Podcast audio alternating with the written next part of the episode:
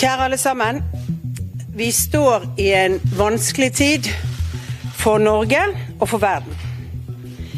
Eh, Norge blir satt på en stor prøve. Både som samfunn, men også vi som enkeltmennesker.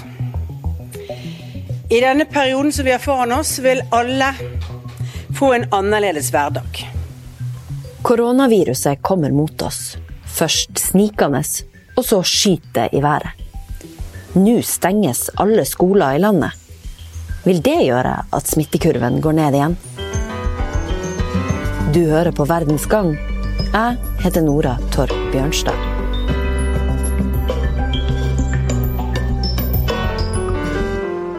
Vi pleier som danskere å søge fellesskapet ved å være tett med hinanden. Nå skal vi stå sammen ved å holde avstand til hinanden. Vi må unngå at for mange blir smitta samtidig. Og det går allerede for fort, sa Danmarks statsminister Mette Fredriksen på denne pressekonferansen på onsdag. Dagen etter fulgte Norge etter og varsla om at skolene stenges.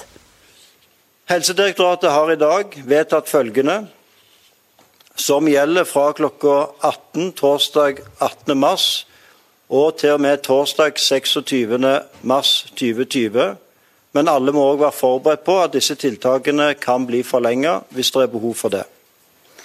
For å stoppe spredning av covid-19 og bidra til å opprettholde nødvendige helse- og omsorgstjenester, fatter Helsedirektoratet med dette etter smittevernlovens paragraf 4-1 andre ledd, jf. første ledd bokstav A og B, vedtak om stenging av barnehager, barneskoler, ungdomsskoler, videregående skoler, universiteter og høyskoler, andre utdanningsinstitusjoner. Den beste måten å forhindre at smitten sprer seg, er hvis vi mennesker er mindre sammen. Men det å bestemme at norske unger ikke skal gå på skolen, var ikke en enkel avgjørelse for dem som sitter med ansvaret for at unge her til lands lærer noe. Du skal få høre hvorfor det er lurt å gjøre nå. Og så skal vi forklare to ting som er helt sentralt for å skjønne hvorfor myndighetene gjør som de gjør. Det ene er internettfarsotten som kalles 'flatten the curve'. Og det andre er hva vi kan lære av den fortvilte situasjonen som Italia nå står i. Nå, når du hører det her, er Norge i fase tre av koronaepidemien. Nå smittes viruset også fra folk som ikke har vært ute og reist. Det at vi er mindre sammen, f.eks. ved å holde oss hjemme fra skole og arbeid, begrenser smitten. Vi i Verdens Gang sitter forresten sjøl hjemme og lager denne podkastepisoden. Og da gjør vi noe som på sikt kan bidra til det man streber mot, nemlig å slå koronaviruset med å flate ut kurven. For du har kanskje hørt begrepet 'flattening the curve', eller sett det på Instagram, Facebook eller Twitter. I de her koronatider er det noe av det som trender mest på sosiale medier. Men hva går det egentlig ut på? La meg først beskrive grafen for deg. Den viser altså forløpet til en epidemi. Den ser sånn her ut. Den ene kurven er som et veldig bratt, men smalt fjell.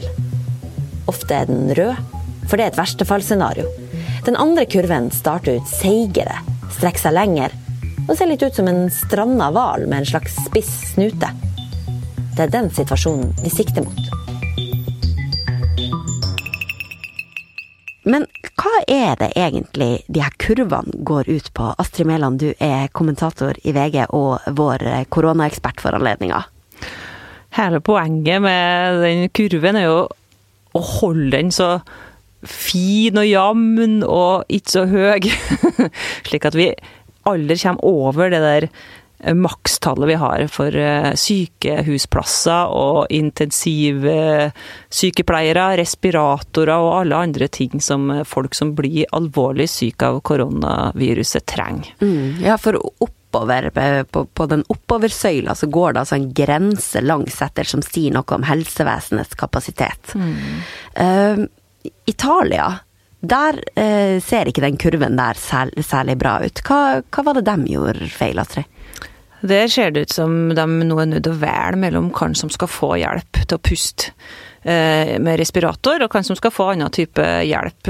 Folk blir jo lagt inn på sykehus, og det er helt sprengt kapasitet. På sykehuset så er det jo allerede fra før fullt av folk som trenger pleie fordi man har fått hjerteinfarkt eller andre sykdommer. Eh, så det er ikke sånn at det til enhver tid står ledige plasser til mange mange tusen som blir syke. Så i Italia så er de fortvilte leger som forteller på, i sosiale medier og i avisene at de er nødt til å velge mellom, mellom folk. Eh, og det virker som det som har skjedd, er at de har ikke vært forberedt i det hele tatt. Plutselig så fikk de en hel haug med smittede, og de har jo mange døde. Eh, og plutselig så kom det masse folk som trong uh, syke pleiehjelp uh, samtidig. Og det har ikke de nok kapasitet til, selv om vi snakker om kanskje et av de største, mest moderne sentra i Europa. Senteret for Eh, i Nord-Italia. Senteret for økonomisk vekst, eh, teknologi, mote. Mm. Veldig langt fram på mm. mange områder. Veldig viktig for europeisk økonomi. Så det er klart at vi som land, vi i Norge, vi ønsker å unngå å få en sånn kurve som ligner på den Italia har. Men så har vi andre land da, som, som har satt i verk noen tiltak som gjør at de har en grafe som ligner mye mer på den her flate, stranda hvalen vi, vi kunne ønske oss, Astrid. Hvordan land er det? Særlig Taiwan, som ligger nærme Kina, og som har mye mye turister fra Kina hvert år.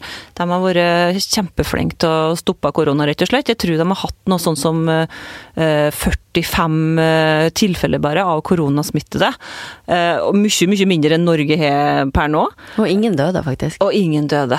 Og det jeg har lest meg opp til at myndighetene i Taiwan gjorde, var at de allerede 31.12. satte inn de første tiltakene. Det var veldig tidlig. Da gikk de om bord på fly fra Kina med sånn termometer og målte om folk har feber. De som har feber, fikk ikke komme inn. Etter det så satte de eh, satt inn enda flere tiltak med liksom rett og slett eh, stengte grenser. Folk fikk ikke reise ut og inn, og de har òg eh, satt folk i karantene med GPS-overvåkning på mobiler som de har fått delt ut av myndighetene, sånn at det ikke er noe snakk om å bryte karantenen, sånn som vi har sett i Norge at mange har gjort allerede, med snakk om at folk har dratt på treningssenter selv om de har vært i, i hjemmekarantene osv. Mm. Eh, kan man se for seg at vi i Norge kunne på en eller annen måte herma etter Eh, Taiwan sin, eh, sin, suksess, hvis vi kan kalle det selv om det er ganske ekstreme tiltak? Ja, nei, det tror jeg ikke, for det er altfor sent allerede. Eh, vi har jo mye flere koronatilfeller enn Taiwan har hatt, og kommer til å få enda flere dagene og ukene som kommer nå. Eh, vi har ikke vært i nærheten. altså I helga så har vi et fly som landa på, på, Torp eh, i Norge fra eh, Nord-Italia. og Tidligere så landa det et charterfly fra Nord-Italia i Tromsø uten at det var noe smittevernberedskap eller noen ting på plass. Sånn at folk som var potensielt koronasyke fikk bare gå rett ut i samfunnet og smitte andre. Og Det er jo en svært smittsom sykdom, det er jo det som er problemet. Og Så langt tidligere i uka her så har vi oversikt over alle men nå har vi mista det. Så nå smittes jo korona mellom folk i Norge uten at vi har oversikten. Så sykdommen, pandemien, er inne i en ny fase. Mm. Men eh, kan vi kanskje likevel få en, en kurve som ligger, ligner på den vi ønsker oss? Selv om ikke kan, vi kan innføre de samme tiltakene som Taiwan? Ja, det tror jeg og håper jeg. Det er jo derfor vi holder på med alt det vi holder på med nå. Har hjemmekontor, vasker oss på hendene, eh, unngår store forsamlinger, eh, følger reglene fra de skarpeste smittevernmiljøene i Norge, altså Folkehelseinstituttet, følger reglene til Helsedirektoratet og myndighetene. Eh, unngår eh, Eh, å bli smitta, forhåpentligvis. I hvert fall utsett at så mange blir smitta samtidig, sånn at vi får spredd det utover. Eh, helseminister Bent Høie sa i Stortinget denne uka her at denne den epidemien kan godt vare et år. Høres jo fælt ut, ikke sant, at vi skal være i lockdown nærmest i et år, men det er tross alt bedre enn at tusen på tusen får det neste uke, og alt bare kollapser og samfunnet kneler. Og selv om Eh, det kan jo gå utover eh, familie og venner og alt mulig. Eh, kan bli syk og sånn, men det kan jo gå utover andre viktige samfunnsfunksjoner når, når så mange blir syke samtidig. Det kan jo føre til at helsepersonell ikke får komme på jobb, og så baller det på seg. Mm. Ja, jeg tror vi også må uh, forklare, sånn at vi er sikre på uh, at det her er helt klart for folk. For den kurven vi ønsker oss, den gir oss et mye lengre forløp for koronaen. Uh, enn den, eh, den, vi ikke ønsker oss. Fordi den ene er som et fjell, rett opp og rett ned, og vi blir fort ferdig med det. Men det rammer mange.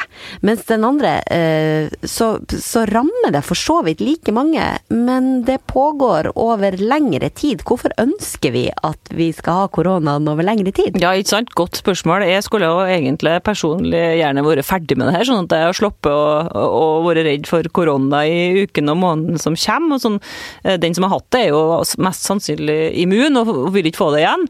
Eh, så jeg skjønner godt at mange tenker at det er bare å få det og bli ferdig med det, men problemet da er jo at eh, mange flere antageligvis vil dø, rett og slett. Hvis mm. mange får det samtidig. For eh, da er ikke nok folk til å, til å hjelpe oss hvis vi blir alvorlig syke. Ja, for clouet her er altså at hvis vi får det der bratte fjellet oppover, så går vi også forbi den her magiske linja av hva kapasiteten til helsevesenet er, da. Ja, ikke sant. Da, da er det ikke nok helsepersonell, det er ikke nok eh, sykehussenger. Eh, eh, det er ikke snakk om korridorpasienter lenger. Det er ikke snakk om å få inn folk på sykehuset. Da må man begynne å bruke hotell, eventuelt. Skoler, telt. Altså, det er jo Um, siste stort. Vi ønsker ikke det. Mm. Kan du forklare Astrid, med enkle ord hvorfor hjelper det uh, oss å jobbe mot den kurven vi ønsker oss, hvis jeg har hjemmekontor og hoster i albuen? Ja, det hjelper jo på den måten at da blir bare noen få syke, alvorlig syke hver dag, i stedet for at det blir mange hundre som blir alvorlig syke og trenger sykehusinnleggelse hver dag. Um, og da eh, vil det jo være slik at de aller, aller fleste blir friske hjemme hos seg sjøl, kan gå på jobb igjen etter uh, noen dager eller uker. Um, og hvis mange får det samtidig, så kan samfunnet slett bryte sammen. Nå sier eh, forskere, Astrid, som du har eh, lest litt rapporter av, at eh, den erfaringa her med koronavirus faktisk kan føre til et permanent endra atferdsmønster hos en populasjon. Hva er det det går i? Ja, um, tenk på alt uh, som vi kanskje er litt motstandere av. Nå må vi begynne på min jobb i hvert fall, å bruke apper for å ha um, møte, i stedet for å møtes fysisk. Eh, og folk kan begynne å handle på nettet fordi at de vil unngå kjøpesenter. Det er jo ikke alle som har gjort det før. Eh, kanskje folk begynner å bruke mm, sånne matvareleverandører på nettet òg, i stedet for å gå på matvarebutikker. Og alt det her kan jo ha mm, på en måte tvunget til det, og det kan jo være en positiv opplevelse for folk som gjør at de fortsetter med det etterpå, sånn at det kan snu eh, før at vi endrer vanene våre. Kanskje folk begynner å sykle på arbeid fordi at de vil unngå trikken og bussen. Kanskje det var en positiv opplevelse. Kanskje vi fortsetter med det etter at eh, korona er over. Um, det er jo liksom de små valgene, de dagligdagse små valgene jeg og du gjør nå, som eh, å la være å gå på konsert, la være å gå på kjøpesenter og sånn, eh, som virker ganske De er jo ikke noe viktig for meg og det, det er greit for meg og det å la være med det, men, eh, men når alle sammen gjør det samtidig, så er det da det får store konsekvenser for samfunnet. Du har hørt en episode av podkasten Verdens gang. Nå som folk gjerne vil vite det siste om hva det er som skjer med koronaspredninga i Norge, venter vi ikke lenge til morgenen før vi publiserer nye episoder. Men vi legger dem ut fortløpende, så snart vi har laga dem. Vi som lager podkasten, heter Emilie Hall Torp, Kristine Hellesland, Tor Erling Tømt Ruud og Nora Torp Bjørnstad. Magne Antonsen er teknisk produsent. Fortsett å følge oss. Vi høres.